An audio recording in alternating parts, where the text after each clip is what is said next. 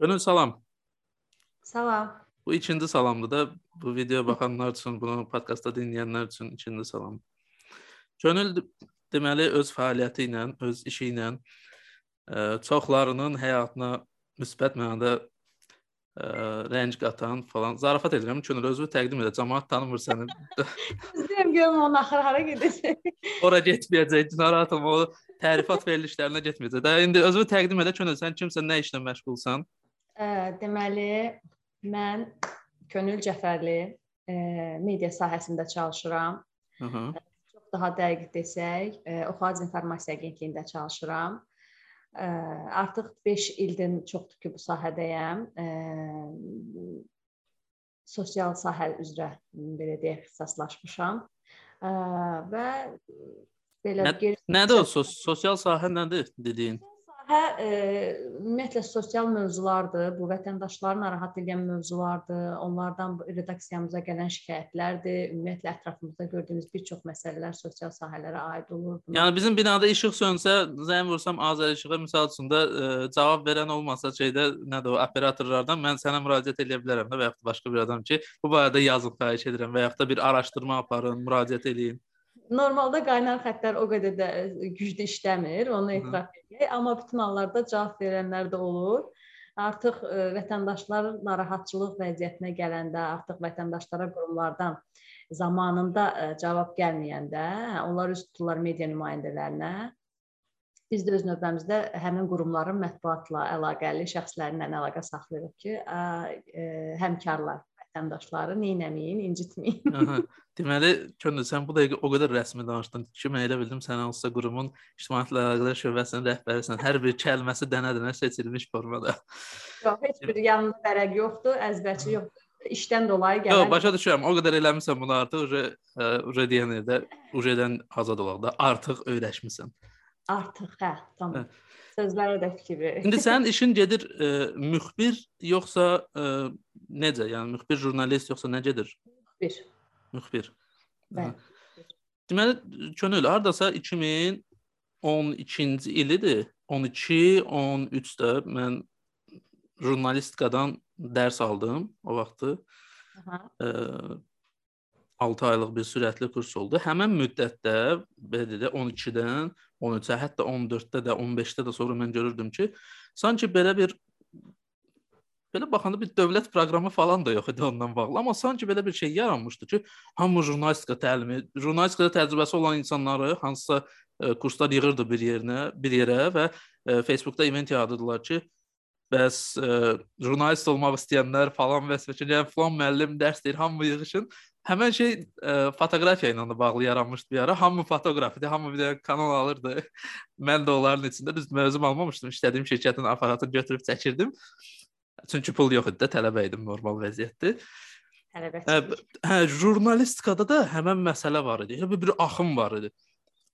Və ə, mən görürdüm ki, tutaq ki, əksər qızlarda daha çox görürdüm bunu, bu meyil ki, jurnalist olmaq, eşqi, jurnalist olmaq eşqi ilə yanıb alışırlar. Bilmirəm nə nə müqəddəslik onda görürdülər. Mənə maraqlıdır ki, ə, səndə nə tür olub bu məsələ? Yəni xüsusi bir marağın olub demisən ki, mən ya kimisə görmüsən ola bilsin televiziyada demisən ki, mən də bunun kimi olmaq istəyirəm, yoxsa nə tür olub gəlmisən bu sahəyə? Yox, elə bir kumirim olmayıb. Sadəcə olaraq ə, məktəb ə, dövründə həmişə valideynlər başlayır da uşaqları yönləndirməyə ki, həkim ol, həkim ol, get həkim ol. Hı -hı bir deyir müəllim ol, bir deyir. E, Səni hara yönləndirirdilər? Məni heç yerə yönləndirmədilər, sözün düzü. Heç yerə. Deyirlər sən səndən onsuz bir mütəxəssis alınmayacaq, hə? Yox, başqa bir variant da var da. Tutaq ki, zarafat edirəm. Mən zarafat edirəm əlbəttə ki, amma gedim, orada uğur qazanacağam. Onu bilirdilər deyə özətdən. Başa düşdüm. Mən də biraz ə, e, dəcəl uşaq olmuşam. Bəxtin gətiribəsində. Hə, hə. Dəcəl uşaq olmuşam. Ə, evdə belə deyək də bizim e, bütün demək olar ki, ailələr belədir də biraz ağır təbiətlidirlər, gülməkdə e, hər şey sərhədlidir. Axı bizim mental dəyərlərimiz var. E, amma mən biraz deyib gülən uşaq olmuşam, də əyləncəli, hamı ilə pozurdun da o dəyərləri, hə? Hə, onlara görə hə, onlara görə pozurdum. E, biraz hiperaktiv uşaq olmuşam. E, o da məni belə deyək də daha aktiv sahələrə meyləndirib. Artıq tələbəlik e, dövrünə yaxınlaşanda 11-ci sinifdə artıq e, fikirləşdim ki, hansı sahədə axıra qədər getmək olar e, və özümü bu sahədə gördüm. Niyə görə? Çünki hər şey araşdırır. Nəsə söz deyirdilər mənə, o sözü day o tərəfə fırlayırdım, bu tərəfə fırlayırdım. Niyə bunu dediniz? Hardan gəldi bu? Niyə belə? Oca maraqlı gələn sahələrə seçim edəndə bu jurnalistika ilə üst-üzə düşdü. Çünki istənilən mövzunu araşdırırsan, istənilən sahədən e, məlumatlı olmalısan. Biraz geniş e, çərçivəli sahədir. Ona görə mənə maraqlı gəldi. Dedim, elə mən jurnalistikanı seçəcəm, bunu oxuyacağam. Şönül, bax bir bir məsələ e, burada toxunaq da. Mən səni ə, keçən həftə qonaq etdim. Səni də deyirəm, sən özün də bilirsən ki, mən sənin ə, yanında danışığı kəsəcəm ara sıra. İndi Aha. sən də inciməsən də. Yəni budur. Qaydası budur.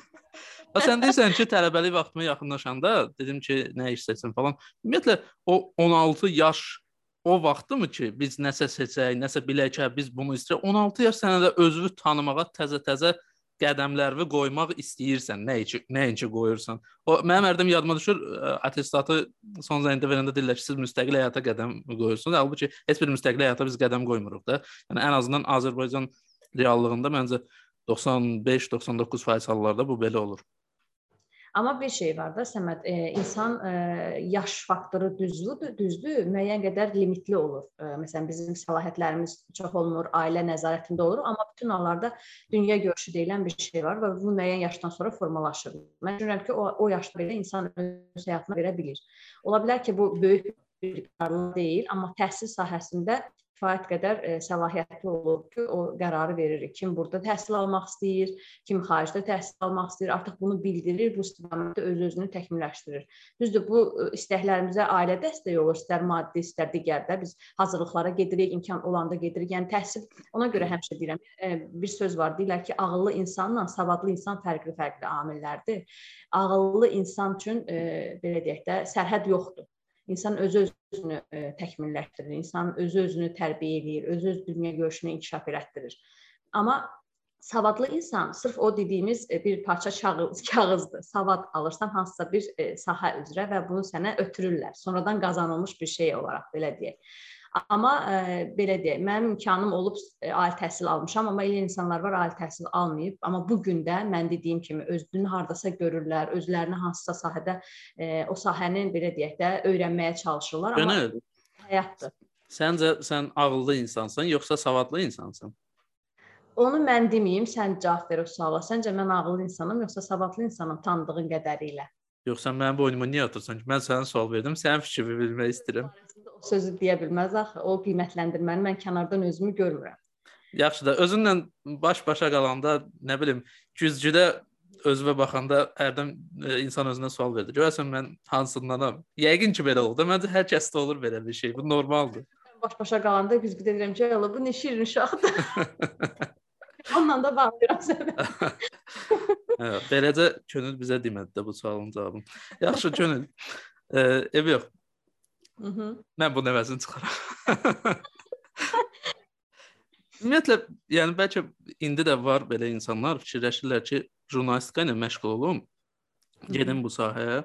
Nədənsə yenə də deyirəm, mənə elə gəlir ki, qızlarda bu istək daha çoxdur, çünki e, yəni oğlanlarda bəlkə də bu jurnalistika pulla, imkanla, maşınla, evlə falan assosiasiya olun, olmur deyə də qızlar bəlkə onu elə mənə elə gəlir, yenə də deyirəm, subyektiv fikrimdir. Ona görə buna daha çox meylli olar, olurlar.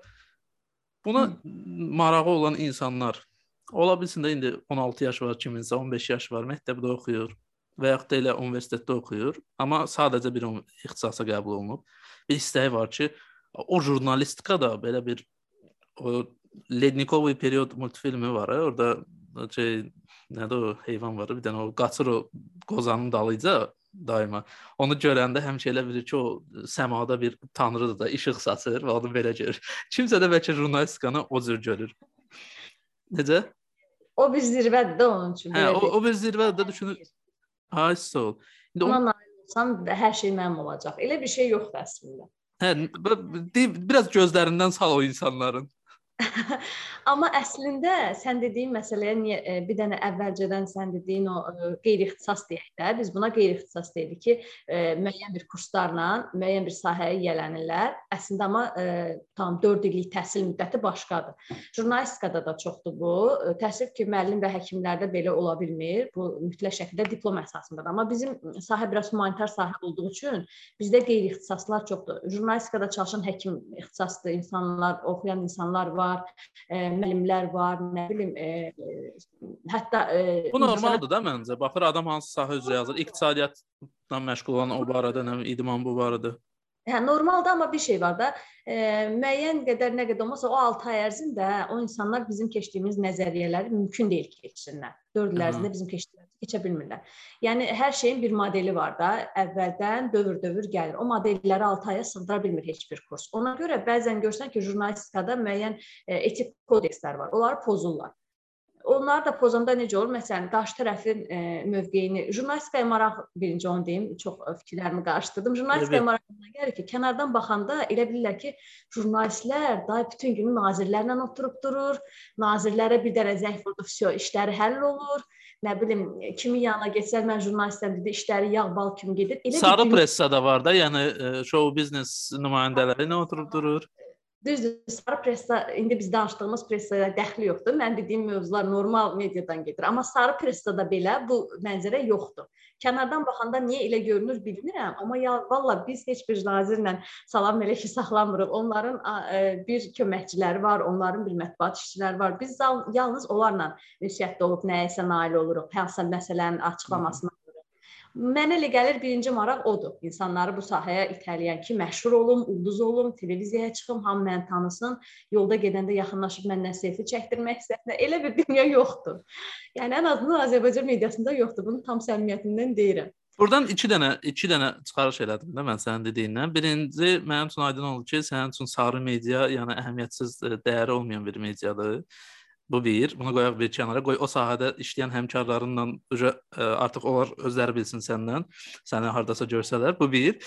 İkinci məsələ də yəni insan insanın tanınmış olma istəyi. Buna istəyirəm toxunasan, bilirsən hansı tərəfdən? Ə, e, mənə elə gəlir ki, insanın ə, e, tanınmış olması elə də bir üstünlük deyil də. Nəyə görə? Çünki bir var sən səni ancaq qohumların, iş yoldaşların tanıyır və fərz eləyək ki, yolda gedəndə sən zibil atırsan yerə və bunu sən bilirsən, yanındakı dostun görür. Bir də var ki, səni bütün ölkə tanıyır. Fərz eləyək. Və sən o zibili atanda kimsə də maşından çəkirsən, bütün ölkəyə biabır olursan da. Yəni sənin təsir dairən o qədərdir ki, sən ə, sonra buna görə səndən hesab da sorurlar da. Amma bir də var heç kəs tanımır, yenə də deyirəm, sən rahatsan o baxımdan ki, öz əlim öz başıma da bir nəfəri bir nəfərin yükünü daşıyırsan, uzaq başı hansısa bir nə bilim ə, qonşu uşağı görər, o deyər və yaddan çıxar bundan da. Məsələn bu tərəfdə var da, razı deyilsən?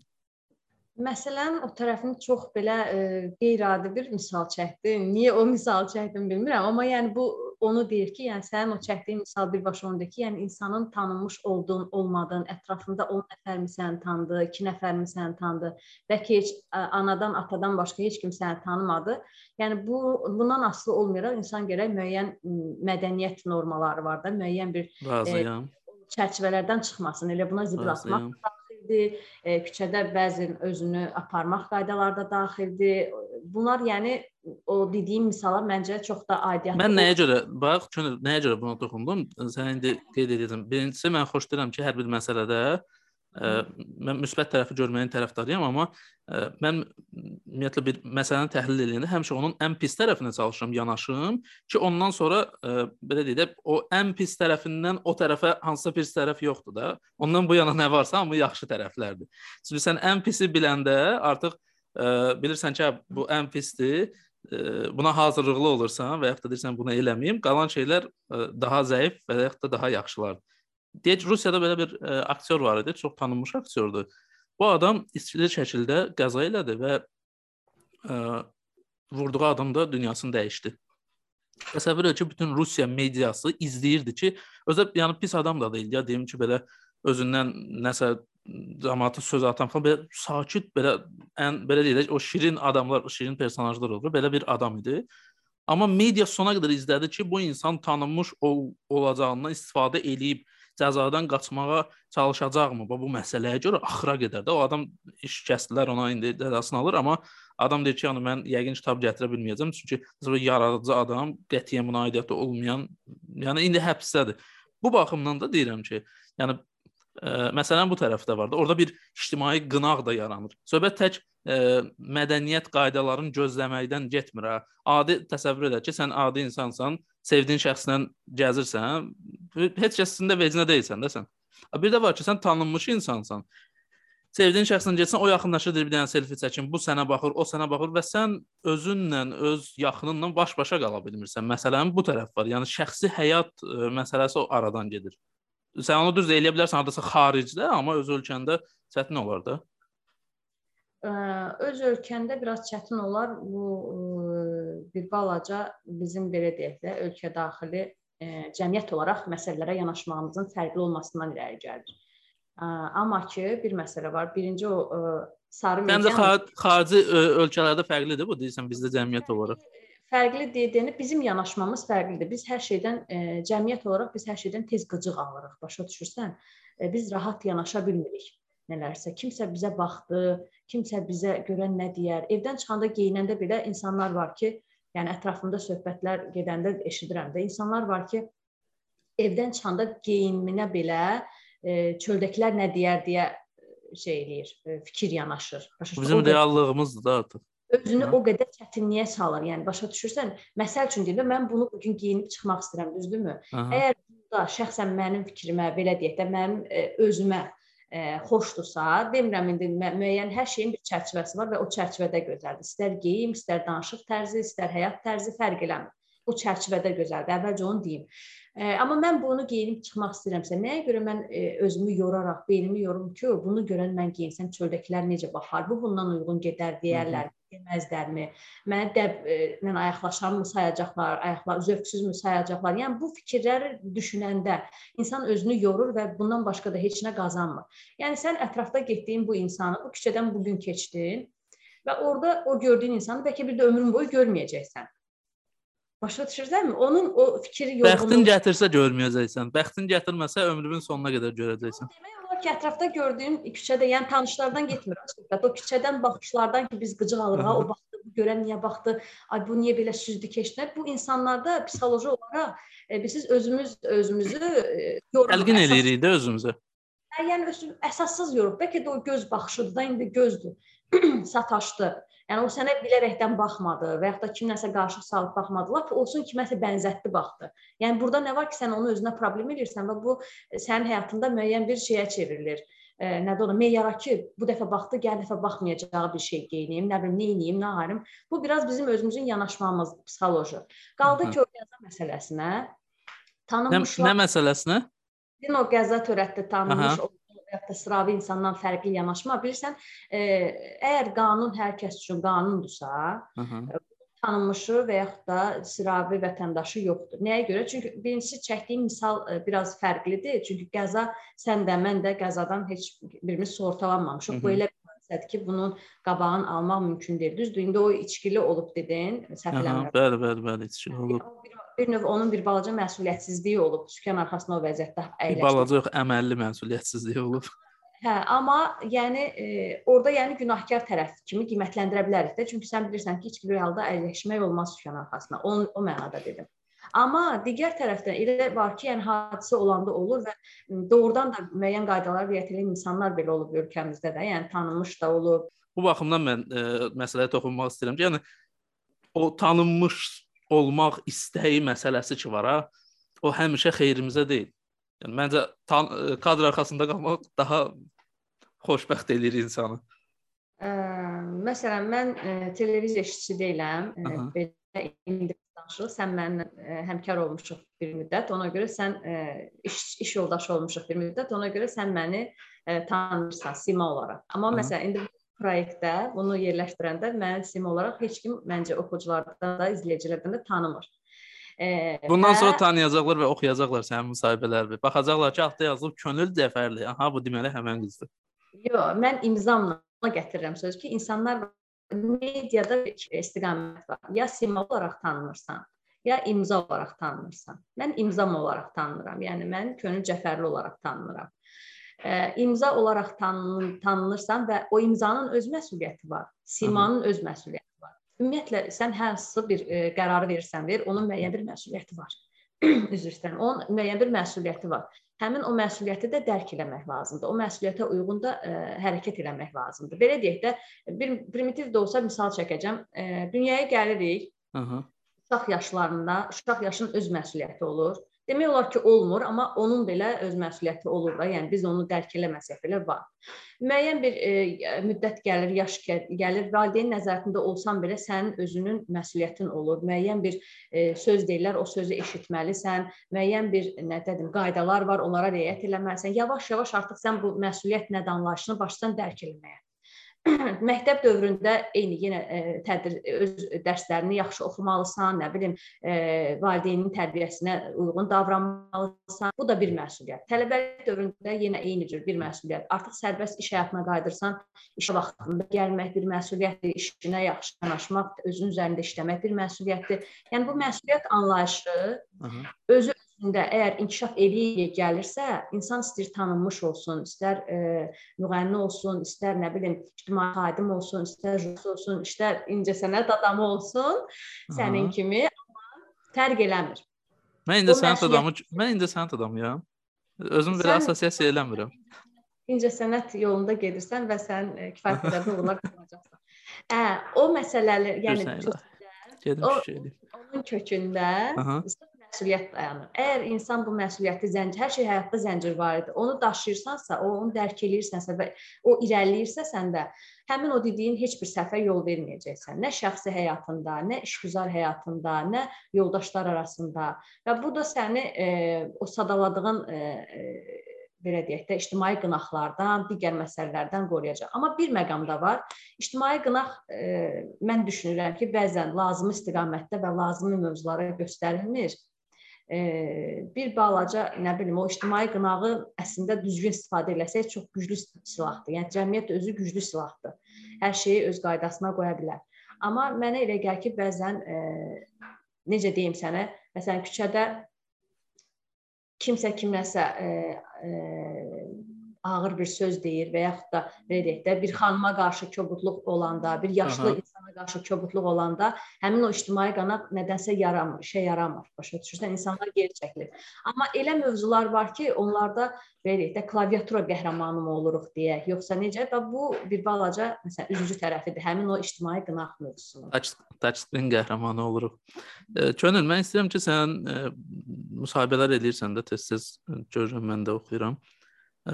E, Bu arada keçən dəfə elədiyim müsahibə ə, e, xoşuma gəldi mənim. Sadəcə gündəm dəyişdi deyə mən istədim o barədə paylaşım edeyim. Gündəm dəyişdi, bizdə şəhidlərimiz oldu. Mən ə, tam başqa istiqamətə etdi də gündəm. Ə, mən istəyirəm ki, sən bu günə qədər elədiyin müsahibələrdən və yaxud da reportajlardan hər hansı bir belə deyək, ən yadda qalan gülməli bir ə, hansı olub, gülməli bir hal yaşanıb, bəlkə situasiya olub. Onlar barədə danışasan. Yadında qalan olub belə bir şey. Gülməli hal. Hər hansı bir reportaj ola bilər və yaxud da müsahibədə ola bilər ki, ola bilsin sən lap başqa cür hazırlaşmısan. Düşünmüsən ki, indi ciddi bir söhbət olacaq, amma yəni xoxma olub da ruslar demiş, ancaq gülmüsüz. Vallahi gülməlisi hmm... çox olub deyəsən, seçə bilmirsən. Ümumiyyətlə özüm e, xarakter olaraq istəmirəm müsahiblərim e, gərgin otursunlar. İnsan nə qədər e, gərgin oturdu, bir o qədər sən o mövzunu ondan ala bilmirsən. İnformasiya ala bilmirsən, hə? Ala bilmirsiniz. Əsas odur ki, o səmimiyyəti yaradasan, təbii ki, sui-istifadə etməmək şərtilə. O səmimiyyəti yaradasan və insan səndən özü olduğu kimi danışsın ki, mövzuları da yaxşı ötürə bilsin. O gərgin oturanda insan bildiyini belə qarşı tərəfə ötürə bilmir. Hı. Amma Səməd, yadıma gələn. Yaxşı, belə deyək. Biz amma onu deyəcəm sənə. Bir dəfə e, diktafonu zaretkaya qoymamışdım. E, baxdım ki, üstündə bir dənə zaretka qalıb. Dedim, yəqin çatar da bir yarım saatlıq bir müsahibə olmalıdır. Getdim müsahibəyə. Sən demə mən e, diktafonun böyründən onu söndürməmişəm. Ki, yolu yolu gedəndə də o yanılı qalıb. Yazmayıb, yox, amma açıq qalıb. Açıq qalıb da, hə. Hə, sadəcə açıq qalıb və o zatkada bitib. Gəl müsahibənin qabağına çatanda telefonu zadı hamısını çəkdim, qoymuşuq kənara ki, zəng bizi narahat eləməsin. Diktafonu qoşdum, gördüm qoşulmadı. Da orada özümü şey eləmədim də ki, yandırmadın. Yandırmadım. İndi bütün dünyadan təcrid olunmuşam. Bütün diqqətimi vermişəm ona ki, nə deyir beynimdə yazılı qalsın da, yadımda qalsın. Gedim nə yadımda qalıb onu yazım. Yəni qələm, dəftər də götürməmişdin? Yox, qələm, dəftər götürmüşdüm, amma o qeydləri o sürətlə ala bilməzdim də. Yəni Aha. o çox kifayət qədər sürətlə danışırdı. Çünki adətən deyirlər ki, nə qədər texnika olsa da, müsahibələrdə, jurnalistikada belə bir şey var da, texnikaya etibar eləmək olmaz. Təbii ki, mütləq şəkildə biz dəftər, qələm bizim ayrılmaz dostumuzdur. Hı. O amma yəni o elə bir sürətlə danışırdı ki, o rəqəmlər var idi ortada.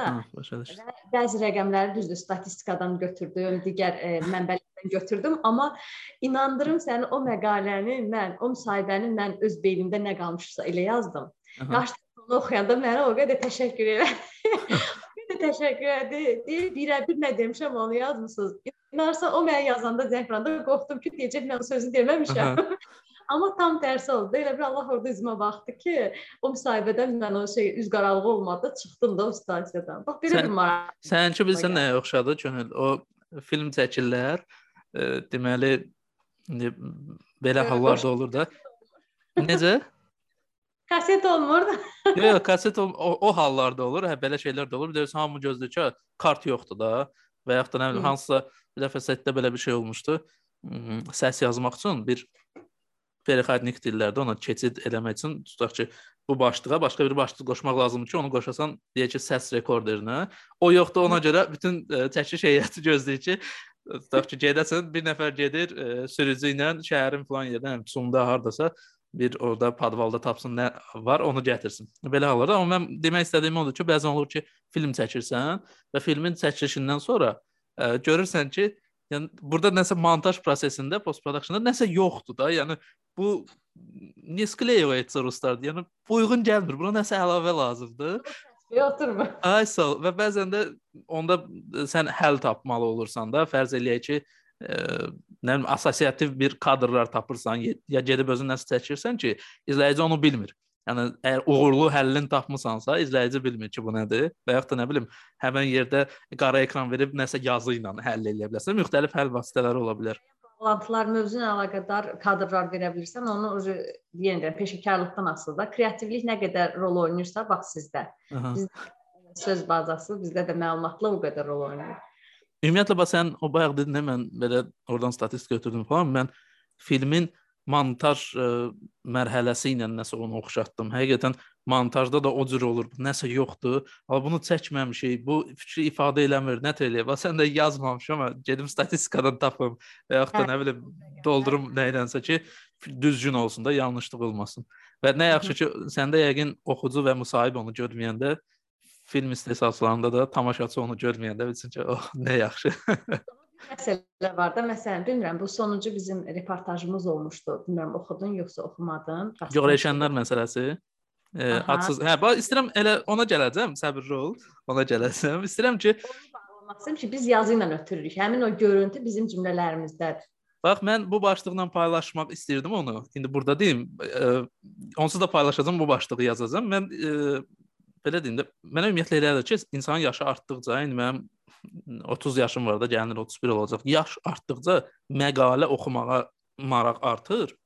Əvvəl daha çox qısa-qısa nəsə oxumağa maraq vardı, amma indi daha çox e, nə bilim böyük kitablar oxumaq, uzun podkastlar dinləmək, uzun filmlər izləmək, yəni bu alışqanlıq yaranıb. Eyni şey məqalələrə də aiddir. İndi uzun uzadı məqalələr oxuya bilirəm. Tutaq ki, əvvəl olsaydı mən açsaydım sənin məqaləvi, e, deyərdim ki, yox bu uzundur. Halbuki o uzun deyil də, o hələ qısa məqalədir müqayisədə baxanda. E, oxudum və oxuyanda mənim beynimə bir fikir gəldi. Ümumiyyətlə mən nəsə görəndə, nəsə müşahidə edəndə həmişə onun nəsə vizuallaşdırma bir keçirdə, bir vizuallaşdırıram beynimdə. Sənin məqaləni oxuyanda mən belə bir başlıqla onu paylaşmaq istədim ki, adam ə, e, yazı ilə sənədli film çəkib. Yəni o məqalə həqiqətən sanki yazı ilə çəkilmiş bir sənədli film idi. Yəni hətta ə, e, oradakı o şəkillər belə olmasaydı, mənim son bir sənədli film idi. Həm də özüm sənədli filmləri çox sevirəm də, bədii filmləri də çox sevirəm. Ə, e, mənə çox təsir elədi. Bizən sözlər düzgün seçilmişdi. Nətər ə, filmdə yenə də deyirəm, kadrlar düzgün seçiləndə düzgün informasiyanı verir. Çünki insanın ə, informasiya qəbul eləmənin bir vasitələri var da, tutaq ki, iynə, səslə, vizual olaraq və s. toxunuşla yəni gözləmək lazımdır da. Hə, bax burada da sözlər düzgün seçilmişdi də. Elə bil ki, nöqtəsinə düşürdü. Və istəyirəm ümumiyyətlə o onunla bağlı danışasan. Nəsə var, onda bir indi bəlkə də kimsə güləcək buna. O ə, e, reportajda o çünki müsahibə deyildi, o reportaj sayılır da məncə düzdür. O reportajda bir mənə mənə görə bir poetiklik var idi. Poetiklik. E, sən ora getsəydin, düşünərdin ki, hələ e, bu elə bir olduğu kimi yazılan bir şeydir də. İndi sən əvvəl məlumat ver nədir? Çünki adamlar bilmir də böyük ehtimal. Ümumiyyətlə e, jurnalistin e, getdiyi yerdən e, öz düşüncələrinin təsvir, yəni o reportaj təsvir deməkdir. Aha. Hər müxbir, hər jurnalist bunu özü e, təsvir eləyir də o hadisələri, gördüyünü, ətrafı, getdiyi yeri təsvir Aha. eləyir. Bizim e, getdiyimiz yer isə bu e, kimsəsizlər məzarlığı idi. Hmm, Suraxanı rayonu istiqamətindədir o, Dədə Qorqud qəbirstanlığının yanında. Kimsəsizlər məzarlığı idi. O kimsəsizlər məzarlığına necə getdik? Əslində mən bir neçə il bundan öncə də getmişdim ora. Oradan Hı -hı. bir reportaj vermişdim. Bu dəfə də getdim, amma dəyişən elə bir şey yox idi. Sadəcə rəqəmlərin sayı artmışdı. Yəni orada dəfn olunanların sayı artmışdı. Ümumiyyətlə ora bilmirəm gedənlər o. Sən ümumiyyətlə getmisənmi ora özün? Mən yox getməmişəm. Ümumiyyətlə eşitmişdinmi o barədə? Yox, mən ümumiyyətlə belə bir yerin mövcudluğundan xəbərim yox idi. Mən ə, e, eş biz bilirik ki, ə, e, deyək ki, var ə, adsız şəhidlər var, naməlum əskər və sairə nam belə şeylər, amma adi sıravi bir insanlarla bağlı belə şey mən qətiyyən eşitməmişdim. Ha, və bizim oxucular arasında da var idi. Bizə belə geri dönüşlər olurdu ki, belə bir yer var mıydı, hardaydı. Amma elə insanlar da var idi ki, məlumatlı idi bundan. Dediyim qədər oradan çox yazılar yazılıb, çox reportajlar elənilib. Hər kəsin qələmi fərqlidir, hər kəsin e, təsviri fərqlidir insanların e, belə deyək də oxucunu e, necə ki e, istiqamət kim girir ə, saytdan iqtisadiyyat sahəsini oxuyur, kimi sosial oxuyur, kimi cəmiyyət oxuyur, kimi isə sadəcə belə ə, yerlərdən hazırlanan da ə, bu məscidlər olur. Biz köhnə ə, məsələn regionlarda ə, tarixi yerlər olur, ora gedirik və bir çox da yəni belə maraqlı mövzular axtardıq. Bu mövzu yeni deyil.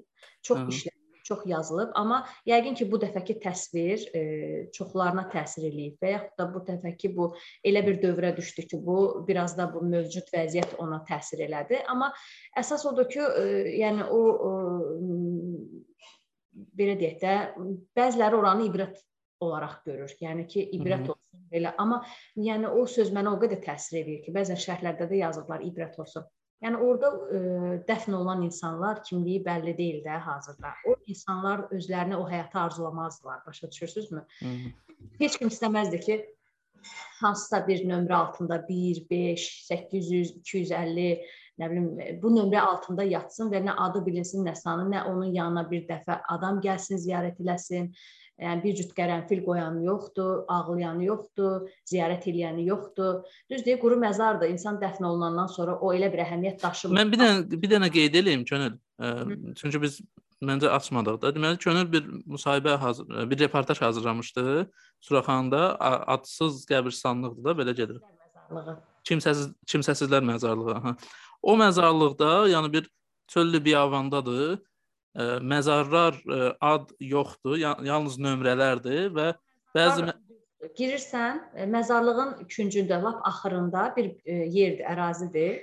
Aha. Orada sadəcə olaraq nömrələnmiş məzarlardır. Yəni torpaq. Ha, normal məzarlığın yanında kimsəsizlər məzarlığı var. Normal məzarlıqdır, Aha. sağ.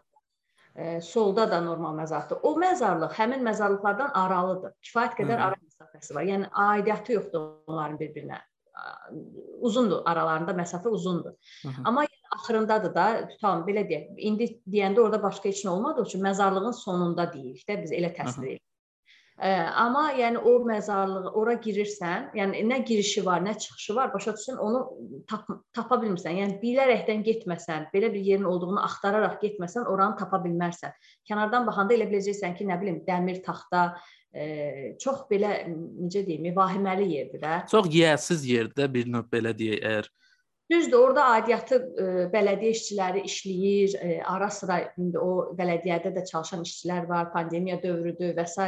nəzərə alırıq ki, işçi heyəti o genişlikdə ərazini bir-bir təmsil edir. Siz bilirsən nə baxımdan deyirəm, Könül? O düzgün düzgün anlaşılsını kimsəsizlər qəbirstanlığıdır. Yəni onsuz da orada yazılmayıb adam kimdir, neçənci ildə doğulub, kim oğludur falan. Bir tərəfdən də dünyasını dəyişəndən sonra da kimsəsizdə normal qəbirstanlıqda ən azından nə bilim cümə günü, nə bilim ildə bir dəfə ya kimsə gedir, kimsə gəlir. Orda adam belə çıxır ki, yaşayanda kimsəsiz olub və belə deyək də bir e, yəçxana olmayıb bir, e, və dünyasını dəyişəndən sonra da kimsəsizlər qəbirstanlığıdır. Bir də bu məsələnin hansı tərəf var? Mənim üçün təsirli olan bir nöqtə odur ki, e, bu İkinci Dünya müharibəsi ilə bağlı faşist e, bu faşistlərin hakimiyyətdə olduğu vaxtda o gettolar olub da, tutaq ki, orada nömrələrlə olub şəxslər. Mənim üçün o assosiasiya yaradır. E, orada adlar olmayıb, plan nömrə, falan nömrə. O filmlərdə görmüsən də yəqin paltarların üstündə o formada. Bir o məsələ, bir də insanın e, nətər deyim, o tənhalıq mənə elə gəlir ki, bir insan üçün insana verilən ən böyük cəza tənhalıqla bağlı ola bilər. Hətta bir e, yanılmıramsa Krım tatarlarından olan bir müəllif var. İndi müəllifin adı yadımdan çıxıb. E, amma tanınmış bir müəllifdir. O bir dünya yaradır. Xülya dünyada belə deyək, gedir onun qəhrəmanı ora düşür və orada müsəlmanların nə cür yaşaması ilə bağlı öz konsepsiyasını təqdim eləyir. Orada qəhrəman sual verir ki, deyir bəs siz bir e, müsəlmanlıqla bağlı hansı qaydaları pozan insana yaxşı nə cür cəza verirsiniz? Şallaq yoxdur, asmaq yoxdur, nə edirsiniz? Deyir, tutaq ki, bir adam falan günahı eləyibsə, insanlar bizim cəmiyyət razılaşır ki, ondan heç kəs danışmayacaq. Və bu insan bazara gedir, heç kəs ondan alış-veriş eləmir, çöldə qonşusu ondan danışır, heç kəs bu insanla danışmır və insan insanlar içində tənha qalır. Və ə, e, ondan sonra deyir bu insan tutaq ki, elədiyi günaha səhvə görə müddət ə, e, ayrılarda 1 ay, 1 il və s. bu insan gedir belə deyək qovulmuş da bir növ ayrı yaşayır və o o qədər böyük bir cəza olur ki onun üçün. O deyir o amma müddət bitəndən sonra gəlir insanlar onu qəbul edir və bağışlanmış sayılır da. Və bu əslində bu insan sözü də üns sözü ilə eyni köklüdür də, yanılmıramsa. Yəni insanın ünsiyyətə ehtiyacı var. Bu biraz da mənim üçün o kimsəsizlər qəbirstanlığı ora gedir də. Bilmirəm, bəlkə mən fantaziyamla gətirib ora çıxarıram, amma ona gəlir. Mən onu yəni, kimsəsiz həyatda və öləndən sonra da kimsəsiz bu biraz vahimə yaradır insanda. Bilirsən, e, Yəni sənin o yazıların da onun üstün e, biraz da lap onu betər eləmişdi. Yəni bəlkə də sənin o yazıların düzgün seçilmiş sözlər mənə o şeylər gətirdi ki, e, sən orada özünü onun yerinə qoysan, yəni fərz elə ki, tutaq ki, belədir, nə bilim sən bunu olmalıdır. Yəni jurnalist əgər təsvir yaratmaq istəyirsə və bir insanın fikrini qarşı tərəfə, cəmiyyətə düzgün, yəni oxucusuna çatdırmaq istəyirsə, mütləq empati qurmalıdır. Mütləq o insanı başa düşməyə çalışmalıdır. Yəni orada birinci mənə ən çox təsirli o birinci məzar. Məzar çox kiçik idi, Səməd, çox Amma ə, e, biz onu dəqiqləşdirə bilmədik, çünki ailə yaxın olmadığımız üçün bizə məlumat verilmir. O insanlarla bağlı məlumatlar morqdan kodlaşdırılır, müəyyən nömrələrlə gəlir ə, e, bələdiyyəyə. Bələdiyyə də onu ə, e, müəyyən qeydiyyat kitabı var da, ora salır və aparır onu aidiyyəti üzrə dəfn edir, nömrələyir. Yəni nə vaxtsa sən ə, tutaq ki da hər hansı bir itkin düşmüş yaxınını axtarırsan, müraciət eləsən ora ki, məsəl üçün deyirəm, illər əvvəl mənim e, məsəl çəkirəm. İllər əvvəl mənim Yasamal rayon filan küçəsi, Yasamal rayonunda filan küçədə yaşayan bir qohumum var idi. E, onu axtarıram. Mən illərdir ölkədə yoxam, ölüb dedilər. Mən bilmək istəyirəm burdadır yoxsa yox. Sən o axtardığın insanla öz qohumluq əlaqəni sübuta yetirməmiş sənədlərlə sənə o məlumatlar verilmir. Ona görə bizə də verilmədi. Biz o məlumatı ala bilmədik, amma o çox kiçik məzar idi. Mən elə fikirləşirdim ki, orada yatan körpədir.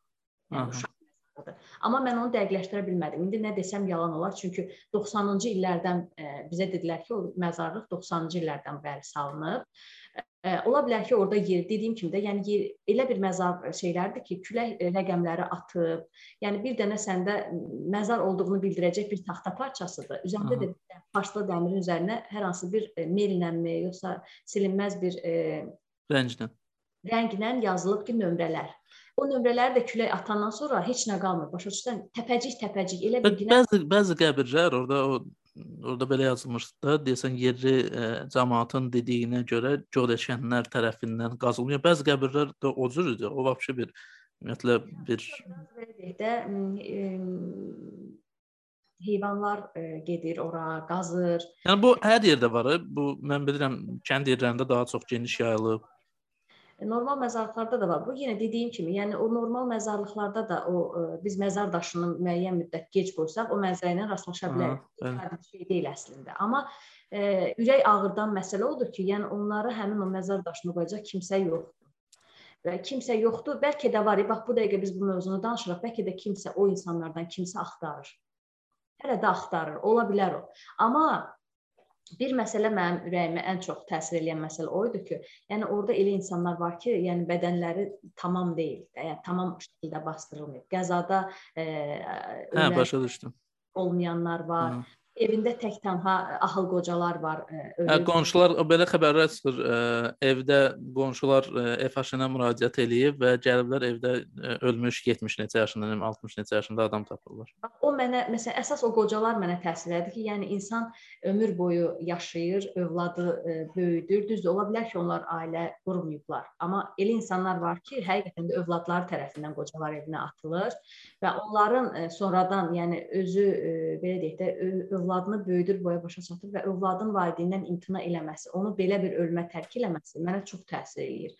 Və həqiqətən də məsələn, sən də bu gün subaysan, mən də subayam. Bilmirik biz sabah ailə quracağıq, bizim övladlarımız necə olacaq bizə qarşı. Yəni bizi qabaqda nə tale gözləyir, onu bilmirik. Bəlkə heç mən də hansısa bir yol qəzasında üzərimdə sənəd olmadan öləcəm və elə bir sonluq gözləyəcəm. Ona görə yanaşma fərqli olmalıdır. O insanları o dəqiqə qınadılar və s. şərhlər yazdılar. Ona görə nə bilim, o hələ də mən o şeydən, ab-havadan çıxa bilməmişəm. Heç soruşum, Könül. Deyirsən ki, ə, orada qohumluğu sübut eləmədən məlumat vermirlər. Bəs bu nə ilə bağlıdır? Yəni bu insan artıq dünyasını dəyişib də, bunu bu qədər ə, şey eləmək, məxfiliyi saxlamaq nə ilə əlaqədardır? Onlar nə nə cür izah edirlər bunu və yaxud da sən nə düşünürsən bununla bağlı? İnsan ölsə də, yəni mən bunu düz bilirəm, düzgün ə, addım bilirəm, çünki o insanın ölsə belə onun hüququ, onun necə deyim, insan olaraq ona bir hörmət lazımdır. Hər gələn gecə niyə bilməlidir ki, kimdir, necə ölüb, niyə ölüb, başa düşürsən? O məlumatlar məsələ elə onları çıxar. Biz özümüz kimdənsə soruşuruqmu sənin tutalım yaxının niyə ölüb, necə ölüb, harda bastırmısan? Yəni bu sualı direkt vermirik, düzdürmü? Bu biraz belə deyək də, etik deyil bu məlumatların kiminləsə paylaşmağı. Normal ə, kimisə məsələn hüzürü düşər, gedərik, baş çəkərik, amma illər əvvəl olmuş hər hansı bir hüzürü biz illərlə soruşub detalları ilə öyrənmirik də. Nə vaxt dəfn olundu, hansı xəstəxanadan gəldi, harda, necə. Bu suallar biraz mənə görə düzgün olmayan suallardır. Cəmiyyətdə verilmədiyi üçün insanlar öləndən sonra onların da hüquqlarını qoruyacaq heç kim yoxdur və onu da dövlət belə qoruyur. Məncə çox düzgün addımdır.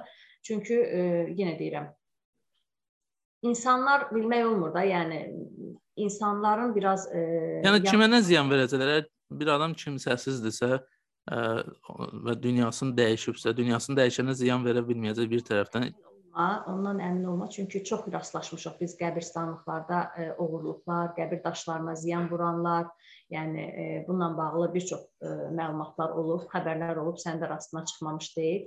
Yəni insanlar belədir. Yəni e, elə insanlar var ki, təəssüf ki, ölülərdən belə e, dirilərin hayfını almağa cəhd edə bilir. Hə, başa düşdüm. E, nəyi nəzərdə tutursan? Bu qəbir daşı dedin. Mən ümumiyyətlə bu qəbir daşı məsələsinə qarşıyam. Yəni dəhşət qarşıyam da. İndi mənim bu da mənim subyektiv fikrimdir. Mən düşünürəm ki, ümumiyyətlə şəxsən mənim üçün fərqi yoxdur. Mən öləndən sonra ümumiyyətlə məni bastıracaqlar, yandıracaqlar, dənizə atacaqlar, balıqlar yeyəcək Belə buraxarıq. yəni doğrudan da bilirsən çünki mənə görə bədən bir daşıyıcıdır. və mən ruha inanıram. Bədən mənim ruhumu daşıyır və mən düşünürəm ki, bədən hələ çoxlu məhdudiyyətlər yaradır insana. Mənim yanaşmam o cürdür. Və mən düşünürəm ki, ə, bədəndən ruh ayrılandan sonra, yəni də ə, onun üçün hələ bir baş daşı qoy, nə bilim, orada qıraqlarını düzəlt, bastır 5 il keçdi üstünə də birini bastırsınlar, qarışsın torpağa. Yəni şəxsən mən öz adıma deyirəm. Vəsiyyət eləyəcəm ki, yəni rahat olun da üstündə bir dənə ağac da əkin. Heç vecizə də almayım da. Çünki yekunda e, sən o e, şeydə nətərdir? Varlığında dəyər verin insanlara. İnsanın fiziki bədəni ilə bağlı nə varsa, bu dünyadadır və bu dünyada nə yaşadın, nə münasibət oldu, odur. Və dünyasını dəyişəndən sonra qəbr üstə get, ağla, falan. O daha çox bilirsən nədir? O daha çox bu dünyada qalanların özlərin ə, e, özlərinə təskinlik tapmaq üçün axtardığı bir variantlardan dolayı yaranan bir şeylərdir. Mənə elə gəlir. E, egoizm tərəfi də daha çoxdur orada, nəinki müsbət tərəf. Və mən ümumiyyətlə xoşum gəlmir o çoxlu ə, e, qəbir daşları olur, nə bilim, divar boyda belə tikdilər, elədilər. Yenə də deyirəm, mənim subyektiv fikrimdir. Hər şey, hər şey e, çərçivə ilə ölçülür. Bax sən yenə də gəldin həmin çərçivə. Yəni hər şey çərçivəsində gözəldir. E, 2 mərtəbə, 3 mərtəbə bəzən e, məzarlıqlarda qəbirlər görürük. Villa. Villa. Həqiqətən e, bəlkə də sən dediyin həmin o egoizmin nəticəsidir. Bəlkə də e, həmin insanların o insanlara bir vicdan borcudurmu? Bilmirəm nədirsə insanları buna sövq edən, amma e, tam olaraq sənin yanaşmanla da razı deyiləm. Çünki bayaq sən özün də bir söz işlətdin ki, yəni onların yanına heç kim gəlmir, getmir. E, yəni onların Yox, onların məsələsində biraz fərqlidir də. Nəyə görə?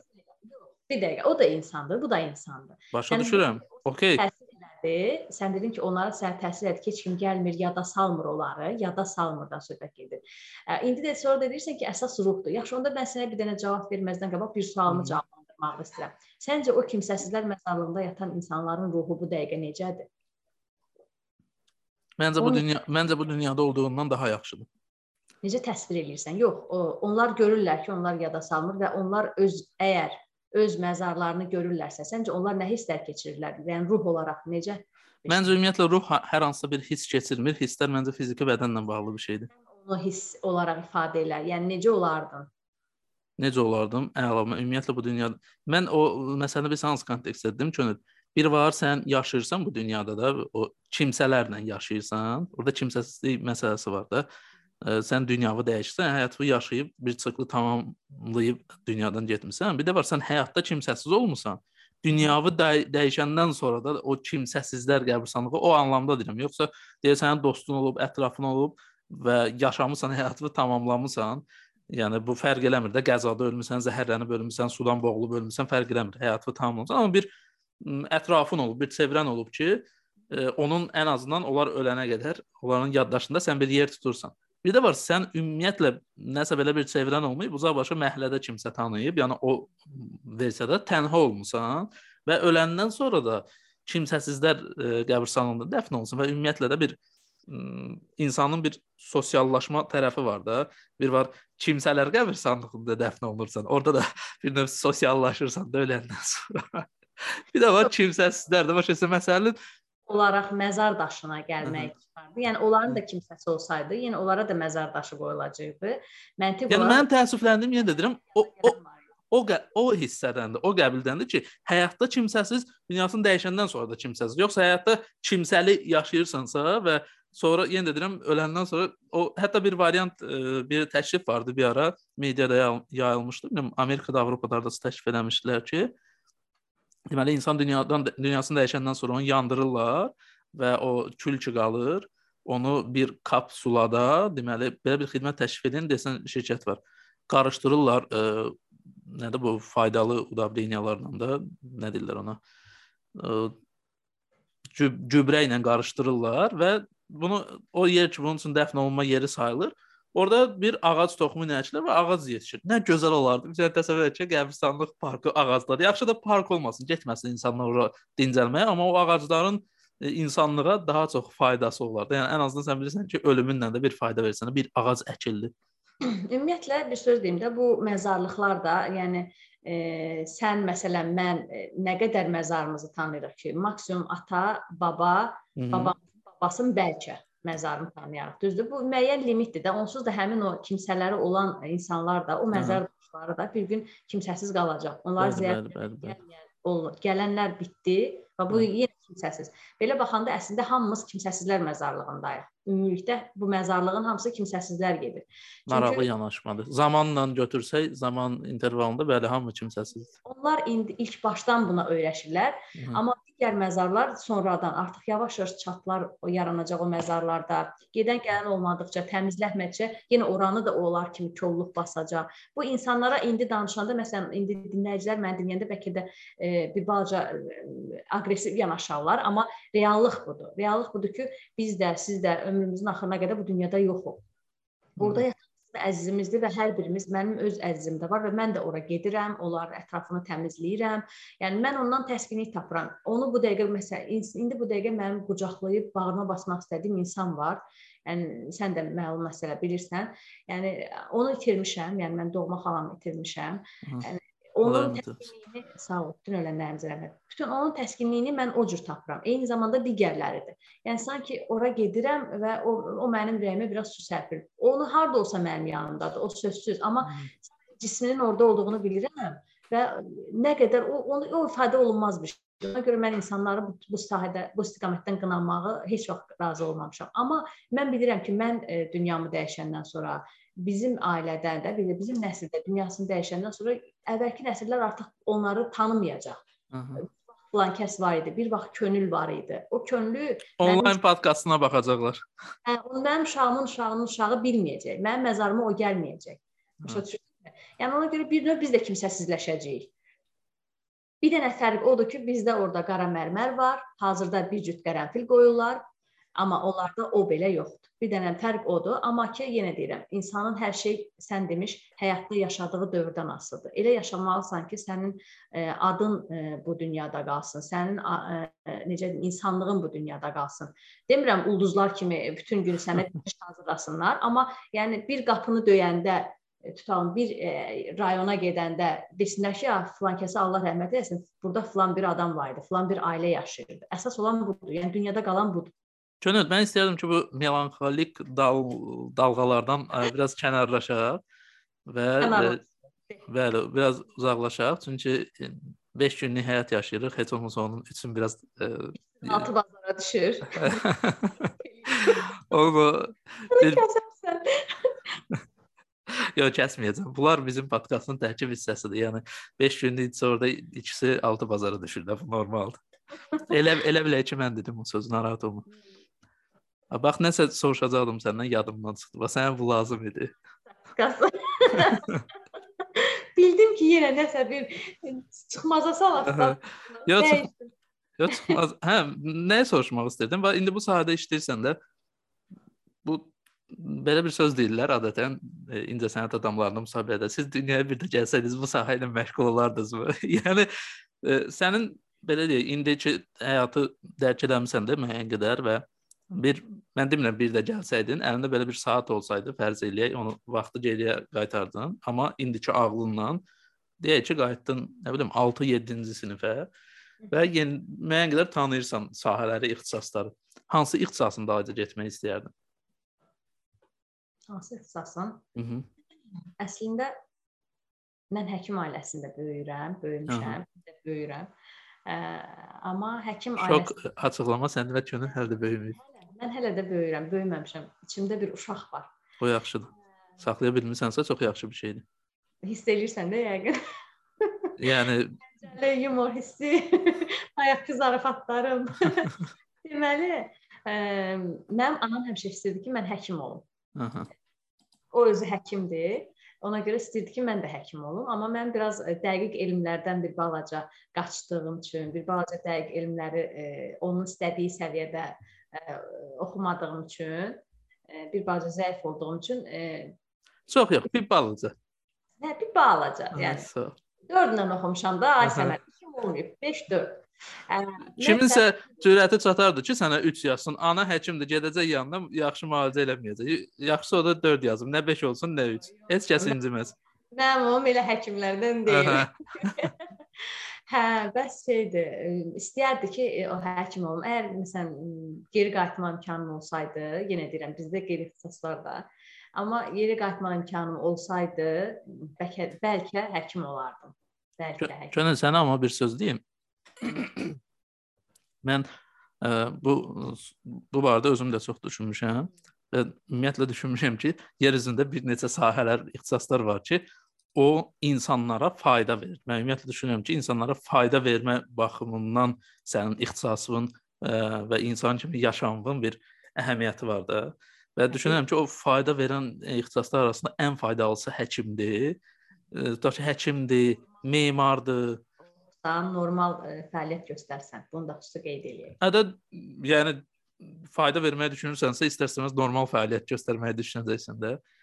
Yəni o, o müəyyən sahələr var ki, açar nöqtələrdir. Yəni heç kəsə maraqlı deyil də. Bir bir bloger sənin həyatına nə dərəcədə fayda verir ki, və yaxud da nə bilim ə, e, bir jurnalist insanın həyatına belə də ilkin götürsək, ilkin Maslow piramidasının ilkin pillələri ilə götürsək, o ehtiyaclar məsələsi var da. İnsanın nəyə ehtiyacı var? Sağlam cana ehtiyacı var. Deyək ki, insanın e, ehtiyacı var ki, bir yoldur, bərbad haldadır. Tutaq ki, körpüyə ehtiyacı var, bir memar lazımdır və yaxud da o şeylər ki, insanın ilkin ehtiyaclar səviyyəsində həll eləyə bilir. İnsanın ehtiyacı var ki, hər hansısa bir nətər deyim, bitkini yetişdirib çörək ala bilmə falan da bu ilkin ehtiyacları təmin etməkdə kömək eləyə bilən ixtisaslara daha çox ehtiyac var. Məncə onlar daha dəyərlidir. Artıq onlar təmin olunandan sonra gəlir o biri e, yəni ilkin ehtiyaclar tamam təmin olundu.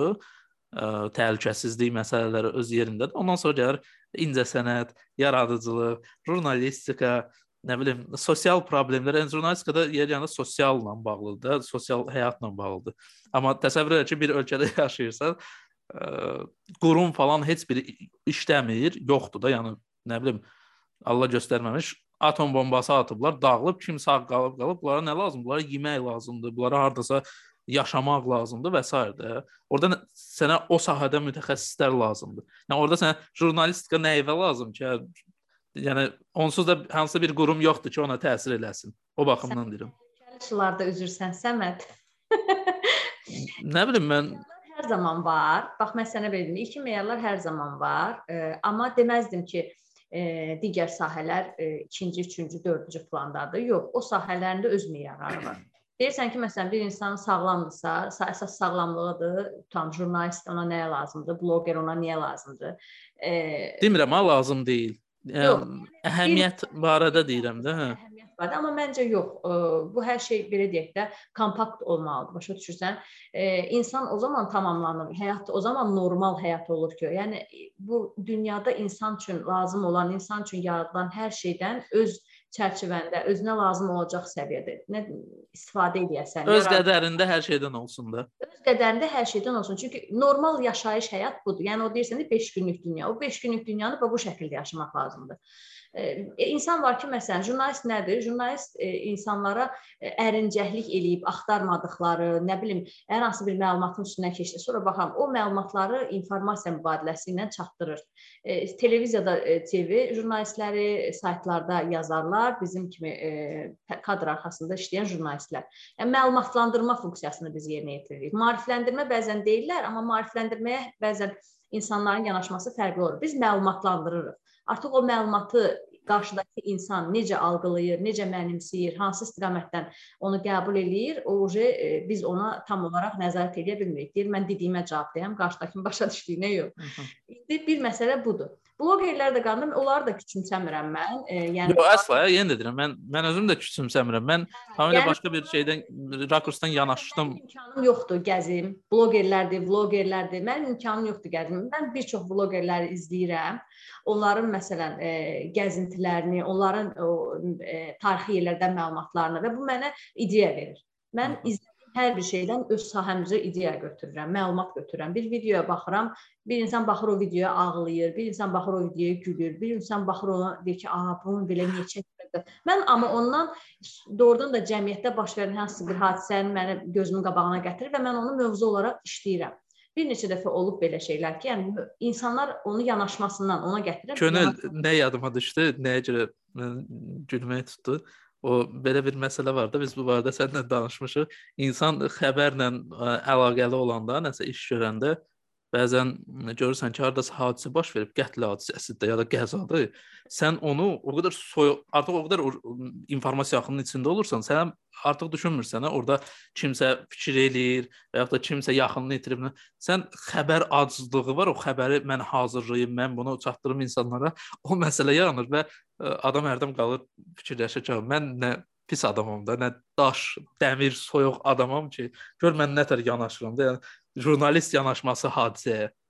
Düzdür. Mən kriminal sahədən yazmıram çox Hı -hı. sözünüzü, amma e, kriminal sahədən işləyən həmkarlarımıza həmişə e, çox e, ürəyim ağrıyır. Və necə ürəyim ağrıyır? Yəni, onlar doğrudan deyirəm, onlar o qədər orada e, hissləri ilə işlərini bir-birinə qarışdırmamaq üçün o qədər o balansı qorumağa çalışırlar. Həqiqətən o çox çətin sahədir də. Yəni hər sahənin öz çətinliyi var, amma həmin o dediyin kimi hər hansı bir cinayət, hər hansı bir qəza anında insanın insani hissləri ilə peşə fəaliyyəti bir başa-baş gələndə onun hansının qalib gəlməsi, ikisini də boğub o, o belə deyək də tarazlığı qorumaq asan iş deyil. Bəzən qınayırlar ki, e, ailə yaxınlarda hadisədə olan ailə yaxınları qınayırlar ki, biz e, əzizimizi itirmişik, siz xəbər axtarırsınız. Evet. Onlar məsələn o yanaşma onları bilsiz nə qədər travmaya salır. Yəni o düşünə bilmir. Onlar daş deyil, onlar da insandır. Bəli, bəli, bəli. Mənim bir həmkarım var idi, kriminal müxbir idi. Onun öz e, ailə üzvlərindən biri e, qəzada, e, ağır qəzada e, öldü və bilmədən o qəza yerinə o getmişdi. Təsəvvür edirsiniz? O getmişdi.